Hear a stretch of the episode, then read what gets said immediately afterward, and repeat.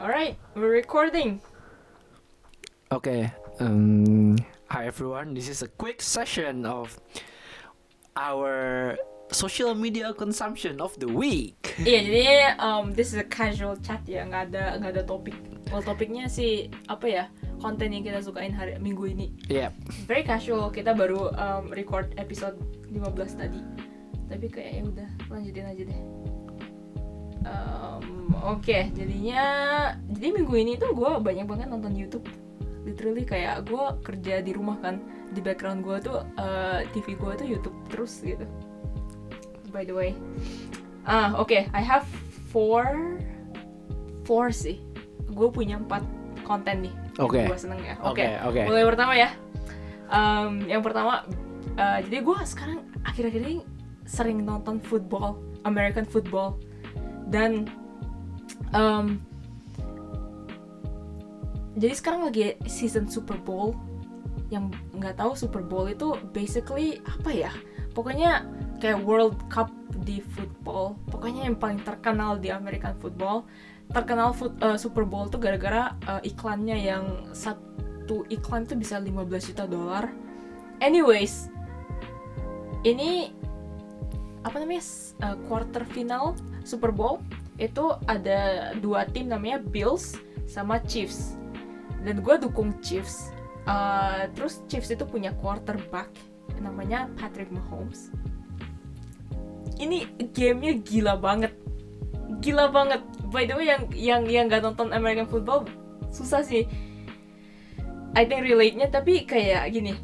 Patrick Mo- jadi ya ini ah, jadi mereka eh, seru banget gamesnya I think it was like 27 lawan 27 skornya ya 27 27 By the way, American football tuh sekali skor tuh bukan satu, tapi eh, enam atau tujuh. 7 7 ya Ah. Yeah, so it's a bit weird in that sense. dan jadi di itu makanya quarter quarter terakhir itu kan 15 menit di satu menit terakhir itu si Bills nge-score 7 gitu jadinya mereka eh, 7 poin lebih atas daripada Chiefs terus di menit terakhir si Chiefs juga nge-score 7 lagi.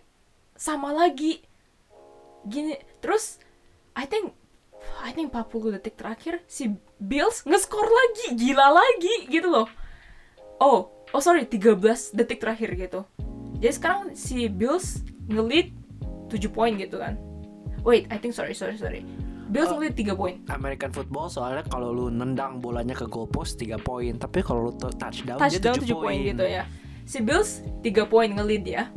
Sisa 13 detik man 13 detik. By the way 13 sisa 13 detik itu kayak udah almost impossible lah lu menang sisa 13 detik. But also American football kalau lu play terakhir, kalau lu nggak diberhentiin, waktunya udah habis pun gamenya nggak berhenti setahu gua. But yes, please continue. Yes, tapi ya sisa sisa 13 detik terus kayak udah anyways penontonnya udah gila nih, udah gila si Chiefs kalah.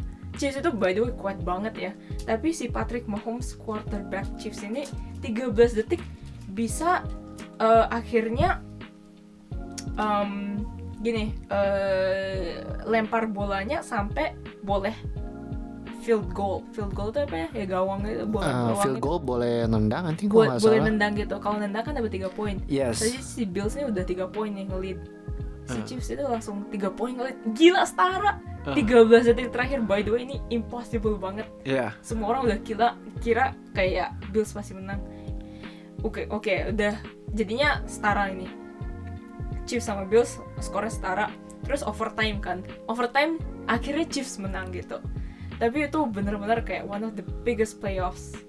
Oh itu gila banget sih. gila banget gila Ya. itu itu jadi orang-orang bilang itu bak- bakal jadi sejarah sih Yeah. tapi gue gue kayak kayak akhir-akhir ini anyways gue akhir ini ngerasa kayak sports olahraga itu ngajarin gue banyak banget sih right I don't know kayak kemarin kita ngomongin snowboarding kayak I have to agree. Gue akhir-akhir ini ngikutin namanya Nonaka Miho.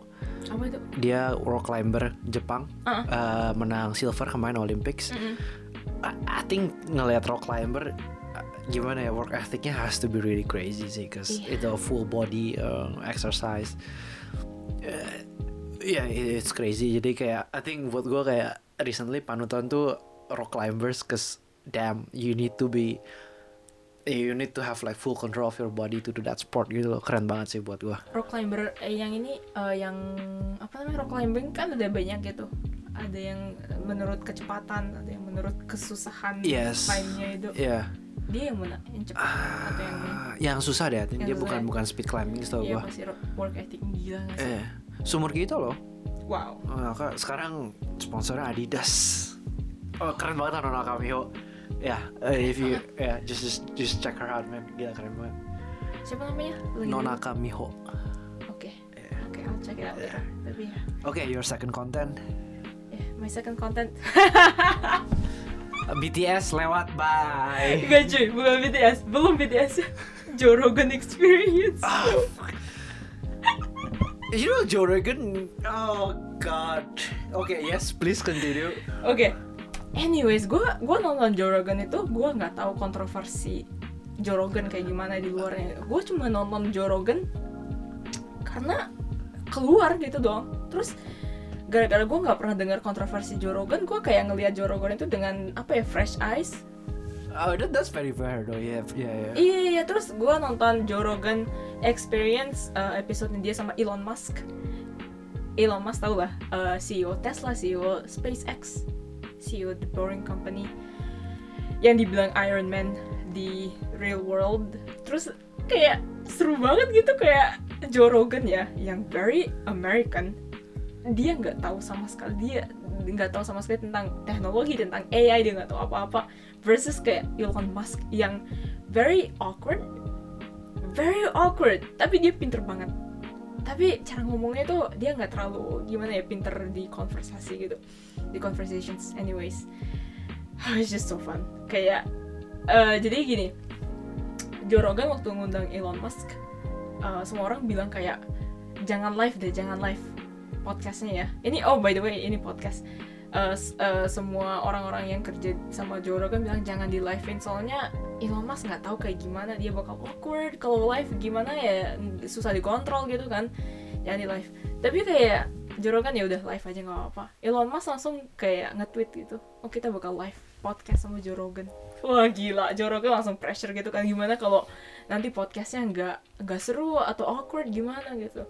Dan ternyata uh, 15 menit pertama podcast Joe Rogan sama Elon Musk itu awkward sih. Coba lu lihat deh lu nonton deh kayak awkward banget. Joe Rogan cuman nyo- nyoba-nyoba kayak nanya gitu kayak oh like what do you think will happen in the future? Terus Elon Musk kayak stiff banget gitu loh kayak awkward kaku banget. Akhirnya Joe Rogan eh, cerita nantinya kalau he was lu mulai kayak keringetan gitu ya. Kayak, eh gila gue punya Elon Musk lagi live nih di podcast tapi awkward banget gimana nih? Keluarin whiskey keluarin weed gila sih itu gue kayak keluarin whiskey sama keluarin weed baru Elon Musk langsung kayak lebih relax Keluarin weed man. keluarin weed loh di That's a podcast whole different level. Iya. Terus gue kayak kayak interesting banget ya. Gimana ya orang kayak Joe Rogan yang 180 derajat sama Elon Musk. Gue gue seneng aja kayak ngelihat apa ya gimana orang-orang apa ya ngobrol dua orang yang beda banget Joe Rogan yang apa ya social skillsnya tinggi banget. Tapi nggak tahu apa apa tentang AI versus uh, Elon Musk yang ah, social skillsnya ah, not not very good. Tapi cara ngomongnya apa tapi knowledge-nya tinggi banget gitu. It's very interesting. You should you should watch it. Mm-mm. you should, you should watch it. Tapi lucu aja sih kayak mereka jadi mereka berdua kan lumayan ini ya lumayan drunk. Not drunk. Uh, I think tipsy tipsy tipsy and high terus ngomongin ngomongin AI Iya, tapi lumayan banyak uh, uh, belajar dari podcast itu juga sih. Ketiga ya, ketiga ketiga. Ketiga. Oh, jadi gua ini, I'm, I'm so obsessed with BTS lately. God. yes, please continue. Jadi gua, gua tuh bukan tipe orang yang seneng K-pop loh. Tapi ini gua seneng banget sama BTS.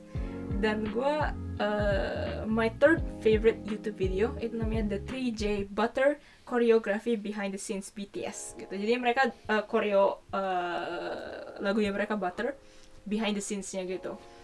Terus kayak itu pertama kali gue uh, nyadar kayak man BTS works so damn hard. Hmm. Hmm. If you think about it, BTS itu dari Big Hit Entertainment uh, yang bukan the biggest entertainment company, Not the, biggest big, not the big three in Korea kan? Iya iya iya iya. the biggest itu kayak JYP I think. Yeah. Iya yeah, tapi BTS tuh nggak, ya yeah, I think they were, yeah, not not from a big company but they work really really hard. Terus uh, ngeliat koreo ini, jadinya si Jimin salah satu membernya sama J-Hope sama Jungkook itu berkali-kali mereka kayak yuk retake. And then they watch the video again. Mereka uh, dance lagi nonton video lagi and then they're like ini kurang retake lagi yuk. Itu kayak mereka retake-nya banyak banget. Terus sehari udah selesai mereka kayak enggak deh besok lagi yuk. Dance lagi retake lagi. Sampai I think I don't know how many retakes they did tapi akhir-akhirnya akhirnya mereka baru puas gitu. Oke okay, this is good. Kita bisa publish ini ke YouTube. Baru mereka puas. Damn. Damn gue kayak gila. I thought I thought kayak sebelum gue uh, suka K-pop ini gue kayaknya udah mereka orang-orang suka K-pop gara-gara mukanya doang sih. That's that's my image gitu. That's my the stereotype gitu. Ternyata ternyata kayak looking at these people yang benar-benar working hard they really passionate about their craft kayak I think K-pop idols is one of the most hardworking people in the entertainment industry, if I have to say. Iya benar Gila sih, sih dedicationnya. Iya dedicationnya mereka Yeah. dari tahun 2013 loh. Itu mereka debut, Hmm. debut 2013. Tapi eh, trainingnya mulai, Mulai sebelum itu kan, jauh sebelum itu. jauh ya. sebelum itu. Dan mereka baru terkenal ya baru-baru ini. Yeah, I think last three four years. Di, right? di worldwide ya, Oh, iya. Iya, di di luar Korea. Tapi ya gila sih benar sih. I think gua iya I think uh, being someone in the creative industry yang benar-benar ngelihat orang yang kayak benar-benar passionate about their craft itu kayak okay that's that's heartwarming sih Hmm. anyways oh the the fourth one will be short itu uh, namanya painting Nighthawks itu salah satu painting paling terkenal di dunia di sejarah lu tahu nggak Nighthawks I never heard of it. Whoops. Nighthawks itu by the way painting salah satu painting paling terkenal. Gue juga nggak tahu kan, gue taunya Mona Lisa. Tapi Nighthawks is very famous katanya. Eh, terus ada YouTube channel gue yang gue seneng nih namanya Nerd Writer One, Nerd Writer satu gitu. Eh, dia ngomongin bahas video tentang tentang painting Nighthawks. Just just watch it, Hmm. just watch it. Iya, seneng aja sih. But anyways, those are my three, four Four. YouTube videos that I liked. Nice.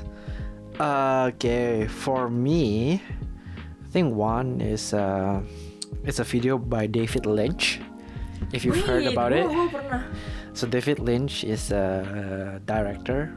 He he did um, Gone Girl. If you know, I think he did Seven as well. If I'm not wrong, David Lynch.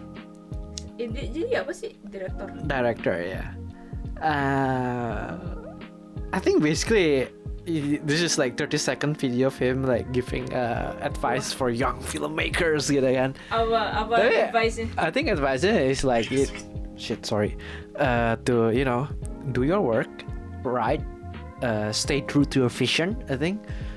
And just just do the work gitu and yeah, it doesn't mean uh, jangan terpengaruh sama dunia yang go by like fast di sekitar lu atau di di, di sosial media gitu. Just just do your work and stay true to what you want to express. But it's it's also not a reason for you to slack off on your ass is what he said. Jadi uh, and it's no guarantee that you're gonna make it big as well gitu but it's one way to actually you know do what you to to to stay true to your quote unquote vision and make what you want to make. But there's never guarantee that you're gonna make it big. Itu I think I think that's a very uh, realistic advice. Even even though you make you what you want to make you there's no guarantee that uh, you can make it big. Yes. yeah. But then you know jadi kalau kayak gitu kan jadinya oh do you look for uh, fame or do you want to make what you want to make gitu. loh.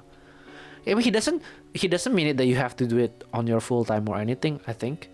But then you, you do it gitu loh. In, if you want to do it you, you do do it and then jangan kepengaruh sama eksternal gitu loh. Kayak kayak find what you want to do and and, and what you want to say in your work I think. You know I think usually artists in its pure form you you have something that you want to eh, yang yang pengen lu sampaikan gitu loh Iya, so iya, iya. jadi jangan lu lu nggak boleh compromise on that uh, vision aja gitu jadinya intinya kalau lu bisa bikin apa yang lu pengenin Iya. itu udah oke kalau untuk kalau untuk untuk lu bisa bikin apa yang lu pengenin Uh-uh. this is what you have to do gitu tapi stay true to your vision Iya, tapi ketika lu berhasil bikin yang lu pengen, apakah lu bakal jadi terkenal, apakah yang lu pengen bakal jadi sukses, itu beda lagi gitu loh. kalau lu ya udah kalau lu sukses lu lucky gitu Yes. if you're lucky If you're lucky, you'll get Yeah, success, tapi, but tapi that's then not what's important that's not what important gitu buat dia. oh jadi Yeah. yang penting lu harus stay true to your vision Yeah, that's again the trade-offs. Uh, okay, that's one, and then the other one is uh, it's a podcast. bentar bentar bentar Mac gua charger dong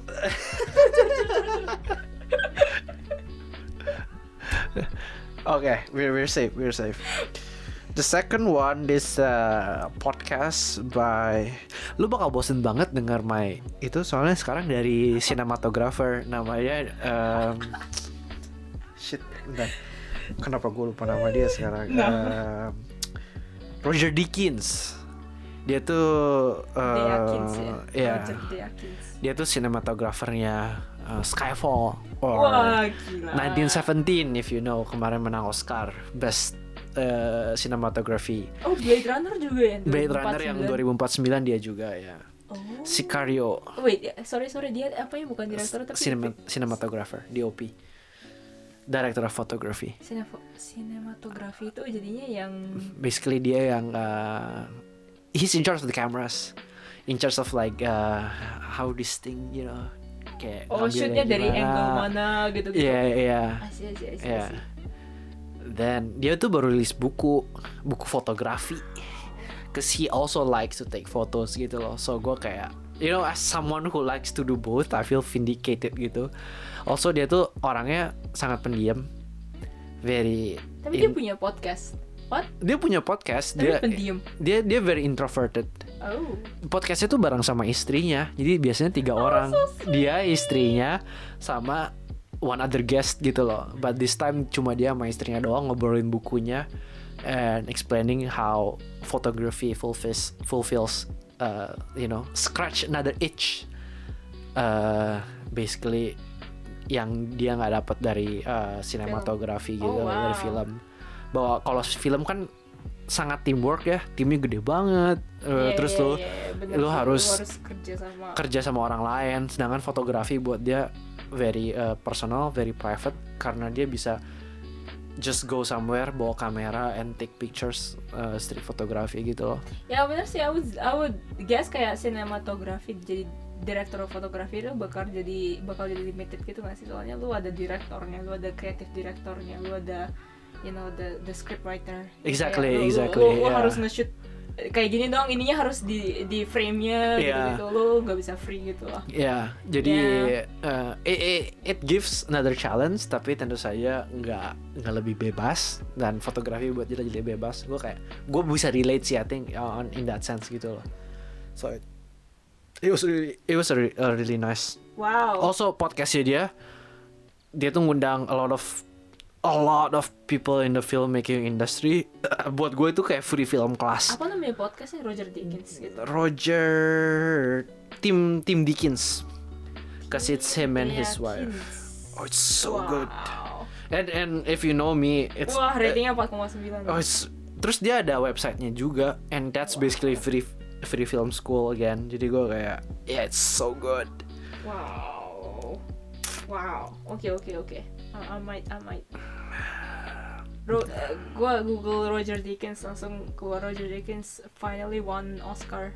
Oh ya, For best- after after so many years. After 14 setelah 14 nominasi baru Iya. menang Oscar. Jadi gue pernah lihat ada Iya. video namanya Roger Deakins is the biggest losers. Is the biggest loser. Soalnya dia kalah Dia tiga- kalah 13 13 kali. Dia DiCaprio-nya DiCaprio ya. DiCaprio-nya DP man. Tapi film-film dia oh keren Tapi- banget gila. Tapi kita dia menang Oscar buat Blade Runner 2049 kan. Blade Runner. How, how do you feel about that? Blade Runner looks so good though. Oh, so yeah, no no complaints No there. complaints about that. Yeah. But gue pertama suka dia tuh um, I really like Skyfall I think as a Bond movie. Hmm, Oke. But Skyfall gua oh Skyfall, tapi gue suka banget tuh dia Sicario sih. apa namanya? Si Sicario. Sicario. What's that? It's a movie about FBI and drug cartels basically. tapi yang Oh, mainnya- si Cario. Eh, but yang mainnya juga Emily Blunt, so maybe I'm biased because I really like Emily Blunt. Um, Oke, yang ketiga ada uh, this guy, small YouTuber namanya Sir. I think his name is Sergio. Jadi YouTube-nya namanya Sir S E R R. S E double R S A R R. Yes, he's a film photographer based in LA, so very very hipster. Ah, lo suka hipster hipster? Iya, tapi dia breakdown. Jadi dia ada kayak dia ada em, video namanya Los Angeles on Film. Oh yeah, I found it. I found it. it's really good, I think. Terus dia ada video yang breakdownnya Making of Los Angeles on Film. Dia dia breakdown everything. So gue gue suka sih kayak behind the scene yang yang breakdownnya very detailed. Gue belajar banyak gitu. loh. So in that sense, yeah, that is very very good. Lu gimana sih cara ketemu all these like unknown YouTubers? Soalnya gue nonton, ya, jadi gue ngomong sama Alvin nih, ngobrol sama Alvin kemarin, gue nontonnya YouTuber yang bener-bener gede banget loh, kayak subscribersnya satu juta plus. And then like Alvin kayak, oh ya enggak, gue gue lebih suka meet sama low level YouTuber yang subscribersnya lebih ke seratus ribu, leb- kurang dari seratus ribu. Gue kayak, how do you find those people? YouTube recommendations man. I mean, gue karena karena gak karena YouTube gue udah rekomend channel-channel kecil ke gue kayaknya. Oh, I see, I see, I see, I see, I Yeah, see. they- he- it Algoritmanya udah- udah yeah, pinter ya sih. It knows sama hipster gitu. ini, anak suka YouTuber kecil-kecilan. yeah. Uh, I think. Okay, this is like. Siapa nih siapa? this is funny though. So this is a video called the complete Fast and Furious timeline. video YouTube video Yeah. the complete Fast and uh, this is like my part of like the trashy, you know, social media part. Um, I, I I think I grew up go go go grew up watching uh, Fast and Furious because my Oh. family loves cars. Jadi kayak I think Ah, Fast and Furious itu one of the movie yang kayak bokap gue mau bawa gue ke ke ke bioskop and it's so awkward you know karena Fast and Furious tuh very apa ya nudity-nya tuh kayak strong banget gitu loh. And I kid nonton sama bokap gue terus kayak eh gue kayak dumbfounded liat cewek sama cewek ciuman pakai bikini as a kid gue kayak oh gitu. But anyways kayak kayak, kayak this guy kayak apa ya merangkum dengan baik gitu film ke satu sampai film ke delapan gitu. And and I Wow. think you can see like how absurd it goes. Karena Fast and Furious itu dari yang tadinya uh, about street racing and and uh, pencurian kecil-kecilan gitu loh. Kayak nyuri dari tr- truck trailer and stuff. Sampai sekarang kayak oh Fast and Furious armored car versus submarine gitu. Kayak it's so absurd.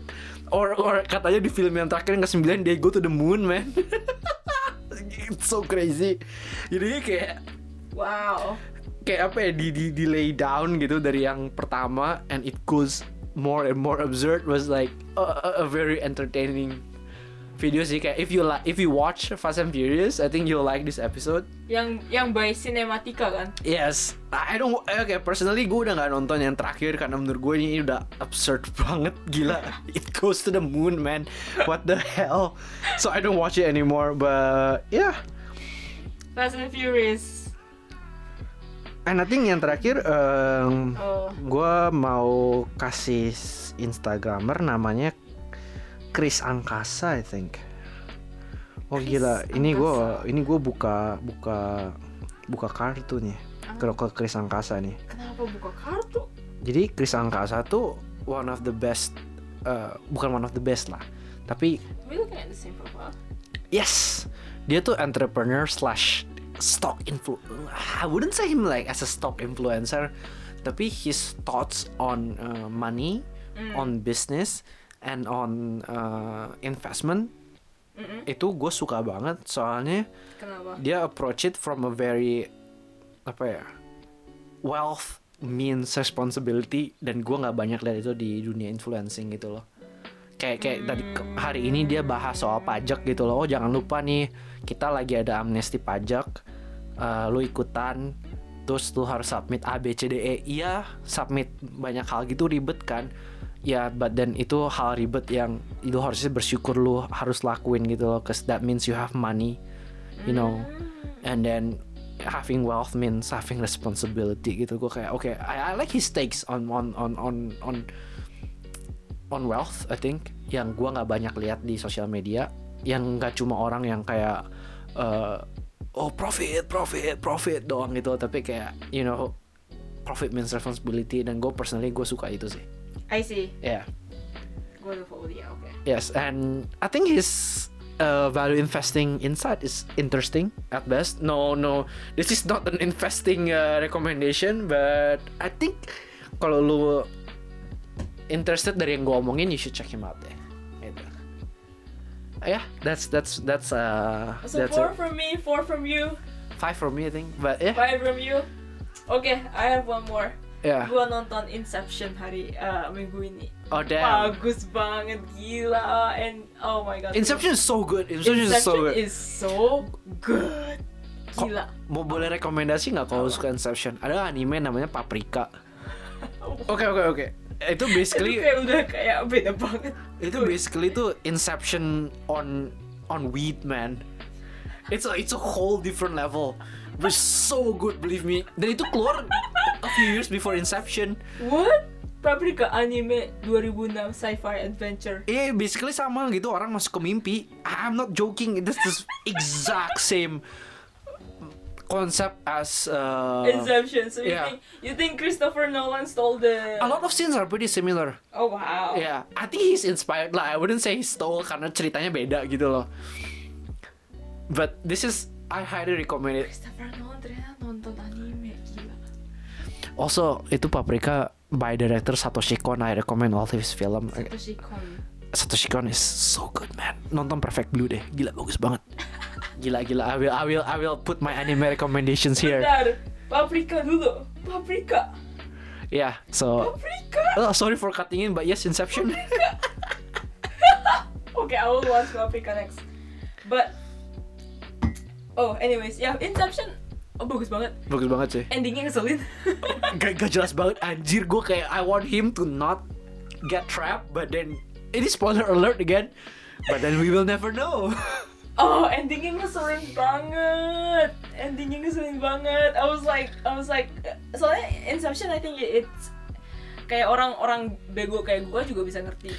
I think Inception is peak peak Nolan deh Pick Nolan ya. menurut gue kalau gue sih peak Nolan Inception sama Dark Knight Dark Knight Ah, Rising kah lu yang Joker Lu, lu nonton The Prestige gak? Nggak, Oh, lu, belum lu harus nonton. Katanya katanya uh, bapak kita nerd Ah. writer satu. itu ya The Prestige is like the best Nolan film. soalnya gue nontonnya uh, Interstellar sama Tenet Oh, I heard that's good. I haven't. Tenet is I heard, I heard it's good. Tenet is good experimental I, but I wouldn't say it's my favorite Uh, Yeah. Inception and Dark Knight. Inception was good. Inception is good yeah Gue kayak damn gila. Gue gue bego banget tapi gue masih bisa ngerti. And then kayak endingnya gue kayak Oke, ini ini apa what's the the thing apa yang the spin the the spinning thing itu? Iya, iya, iya. Iya kayak oke jatuh jatuh jatuh. Cause he's like in the reality now it's gonna be happy ending. It's like then mau jatuh mau jatuh tapi di cut anjing brengsek brengsek. brengsek emang. Oke. I think also Inception is good because I still remember kurang lebih gitu.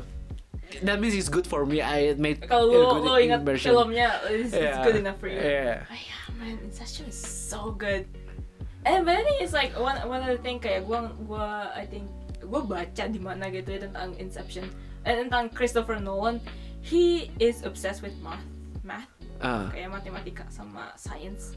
It's, it shows in his movies.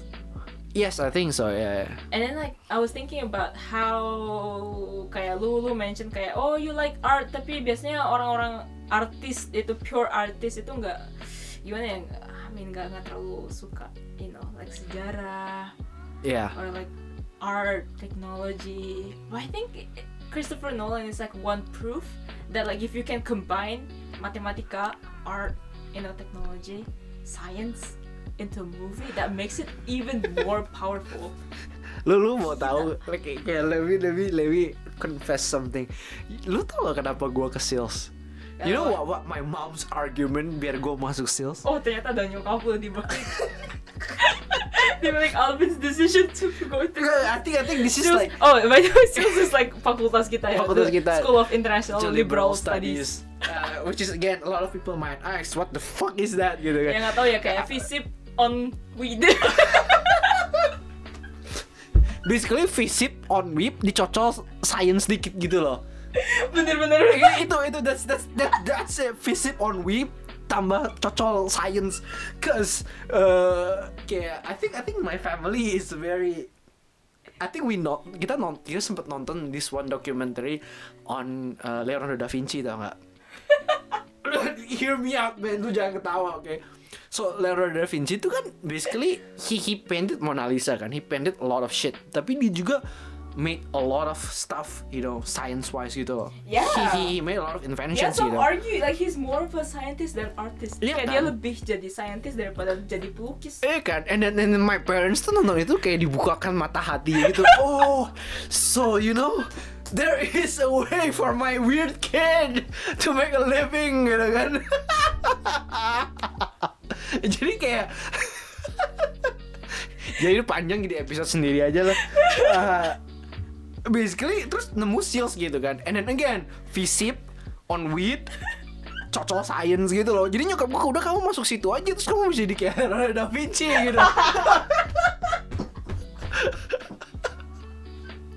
That was the argument man. Bentar gua makan dulu. kayak kayak I mean, I mean, okay, not gonna lie, that fits my profile gitu kan. Gue anak IPA, tapi gue suka uh, sejarah, Lu suka IPS gue suka. IPS, dan gue suka seni gitu kan. Dan gak ada gak ada fakultas yang ngasih itu selain sales gitu. Even though udah masuk sales mah gue hampir nggak pernah ngambil science juga gitu in the end.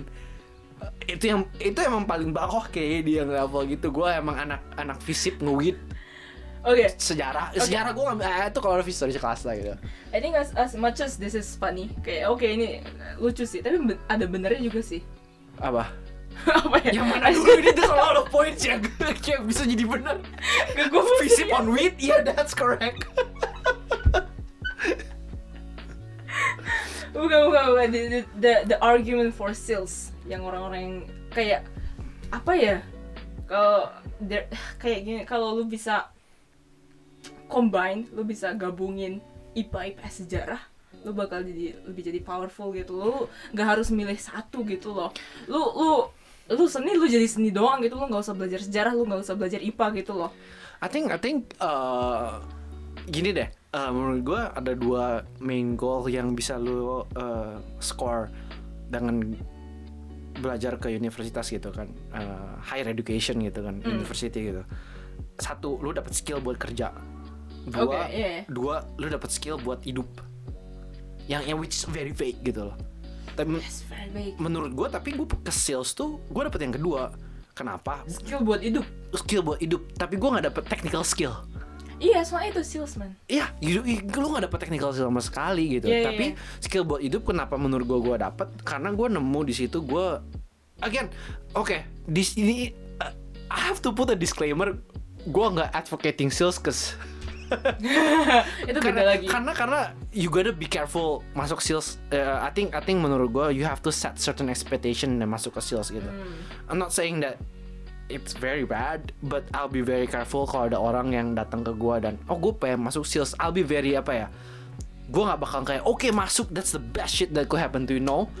Uh, but you can get something out of it I think Ya, kalau Oh. lu kalau kalau lu careful with it, kalau lu bisa design your own curriculum. Iya ya basically lu harus bisa ya design your own curriculum gitu loh. Iya, iya. Kayak I'm I'm lucky enough kayak gue dapat technical skillnya di luar sales so I survive now Hmm. thanks to thanks no no on, on that part no thanks to sales Hmm. but then you know it gives the flexibility for me to do it juga gitu loh sales By the way, jadi lu bilangnya kayak lu lu di sales tuh belajar kayak lebih kayak gue ketemu banyak orang kan karena mereka banyak yang dari eh I met a lot of people dari luar negeri. Like bermacam-macam background beneran gitu lebih dari skill kayak adaptasi life skills, adaptasi life skill critical thinking. critical thinking. Also yang paling penting tuh eh, karena dia expose banyak banget orang yang berbeda dan disiplin yang berbeda gue jadi tahu maunya apa. Menurut gue itu sih the biggest thing yang gue dapet. Gue tahu gue jadinya mau mau ngapain? Jadi lebih kayak apa ya? Terus apa namanya? Loh gimana cara describe-nya? The, the apa ya, exposure critical thinking. Ya tapi critical Iya. thinking juga gitu kan. Tergantung banget lu ngambil gurunya siapa gitu di Iya, sales iya, gitu. iya, iya, iya, iya. Eh, lu lu dapet anyways lu dapet kayak those soft skills dari sales gitu ya? I think so ya. Iya terus Iya. technical skills sudah dari magang gitu? Gue dapet dari magang.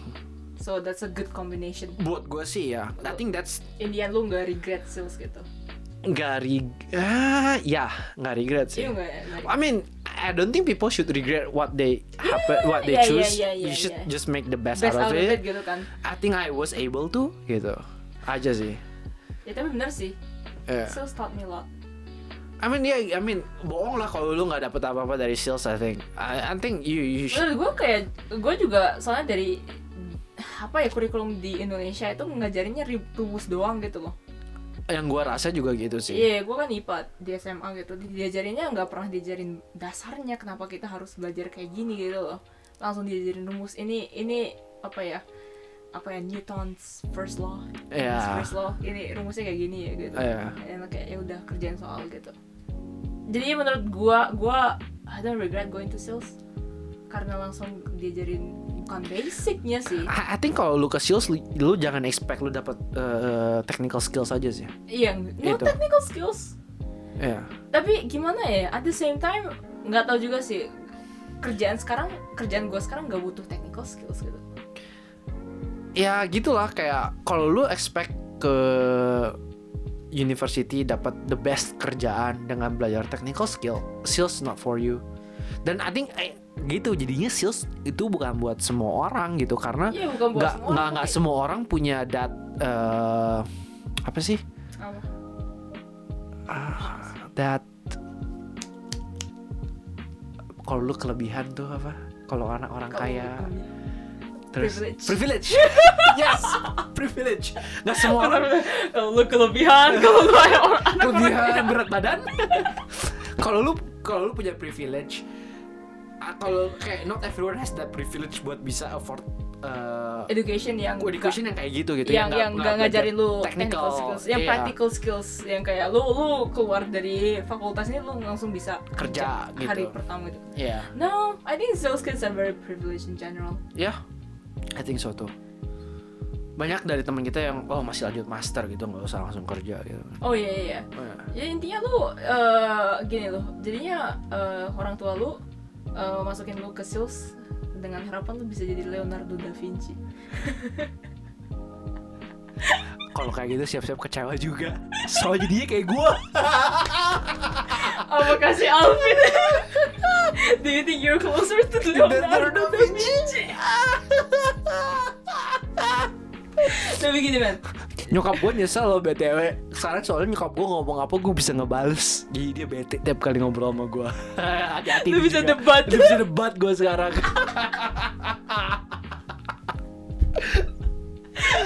Oh my god, gue dari sama nyokap udah dari dulu. Gak usah diajarin. Gue juga tapi makin kecil semakin jadi-jadi katanya.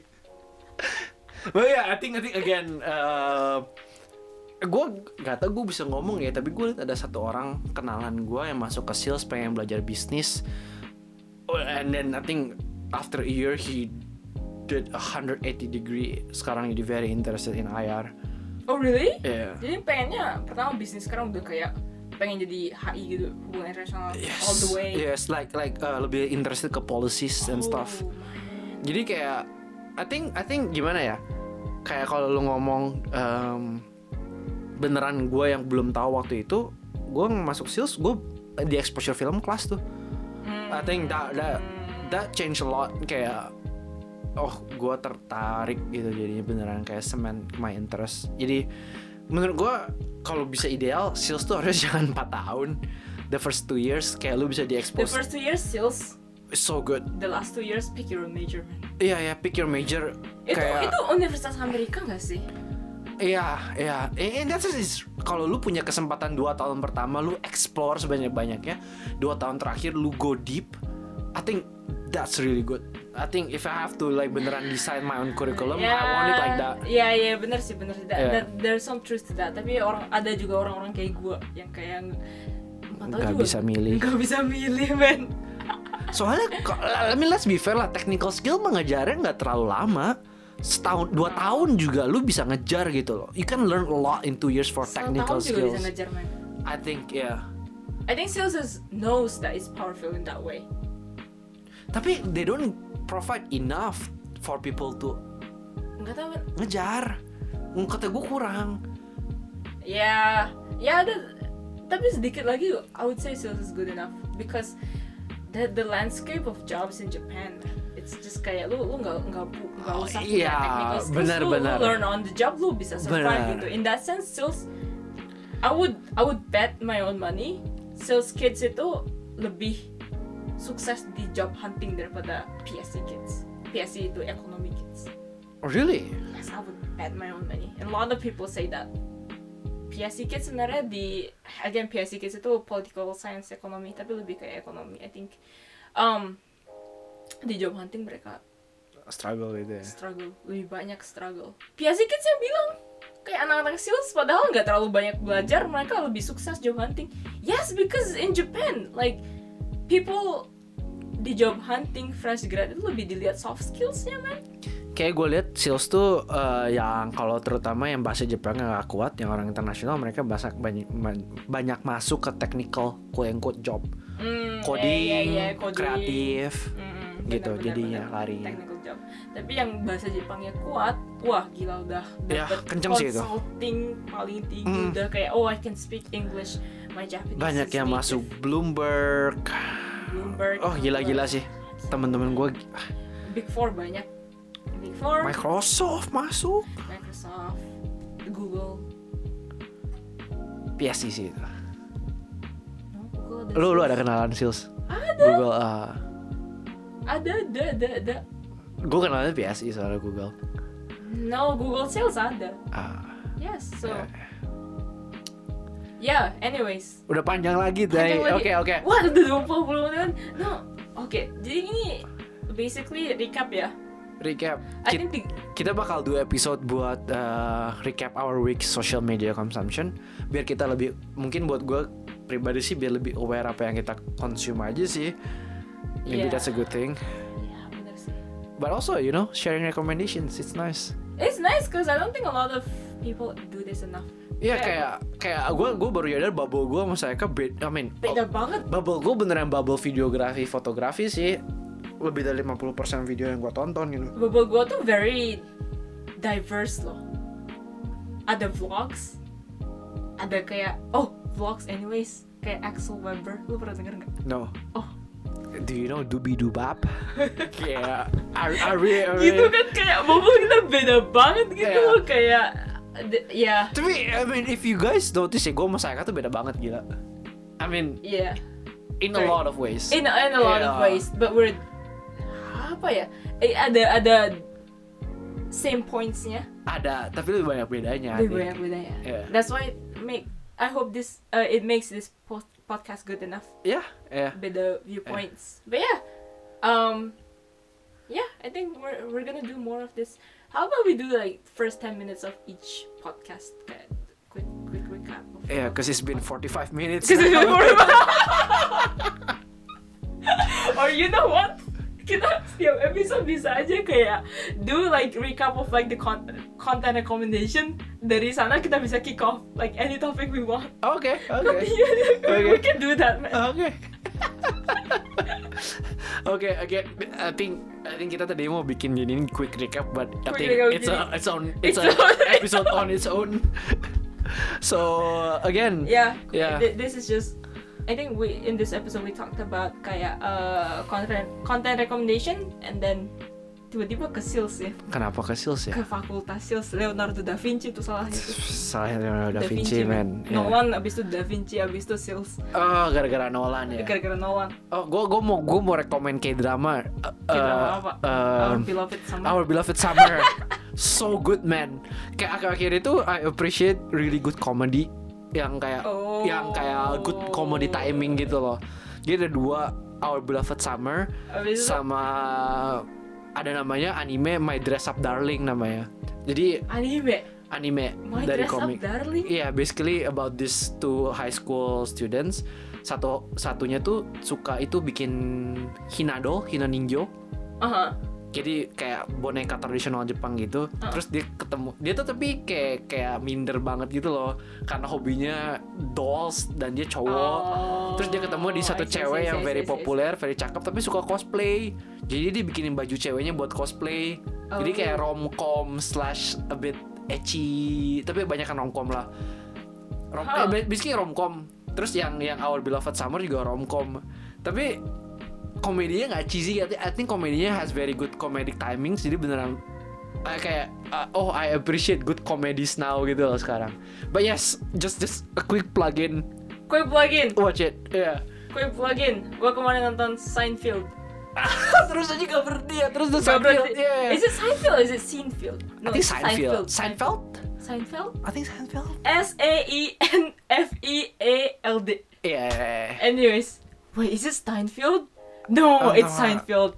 Anyways, gue nonton di Netflix itu kayak 80-an, 90-an kayak komedi Latin sitcom tuh- kan Iya, sitcomnya kayak it's very basic. Kayak komedinya very about basic day to day life. Ah, Tapi tapi dibikin lucu. ah, Yeah, it's nice. sitcom kan ya Sitcom, sitcom, Yeah. sitcom. Yeah, but yes, uh, I'll, I'll, I'll watch more. Soalnya gue baru nonton satu episode, tapi lumayan oke. Yeah. Ya, oke, di 47 menit. Guys okay uh, as ag- as usual uh, if you have anything slide to our DMs let us know and see you in the next See you episode next episode.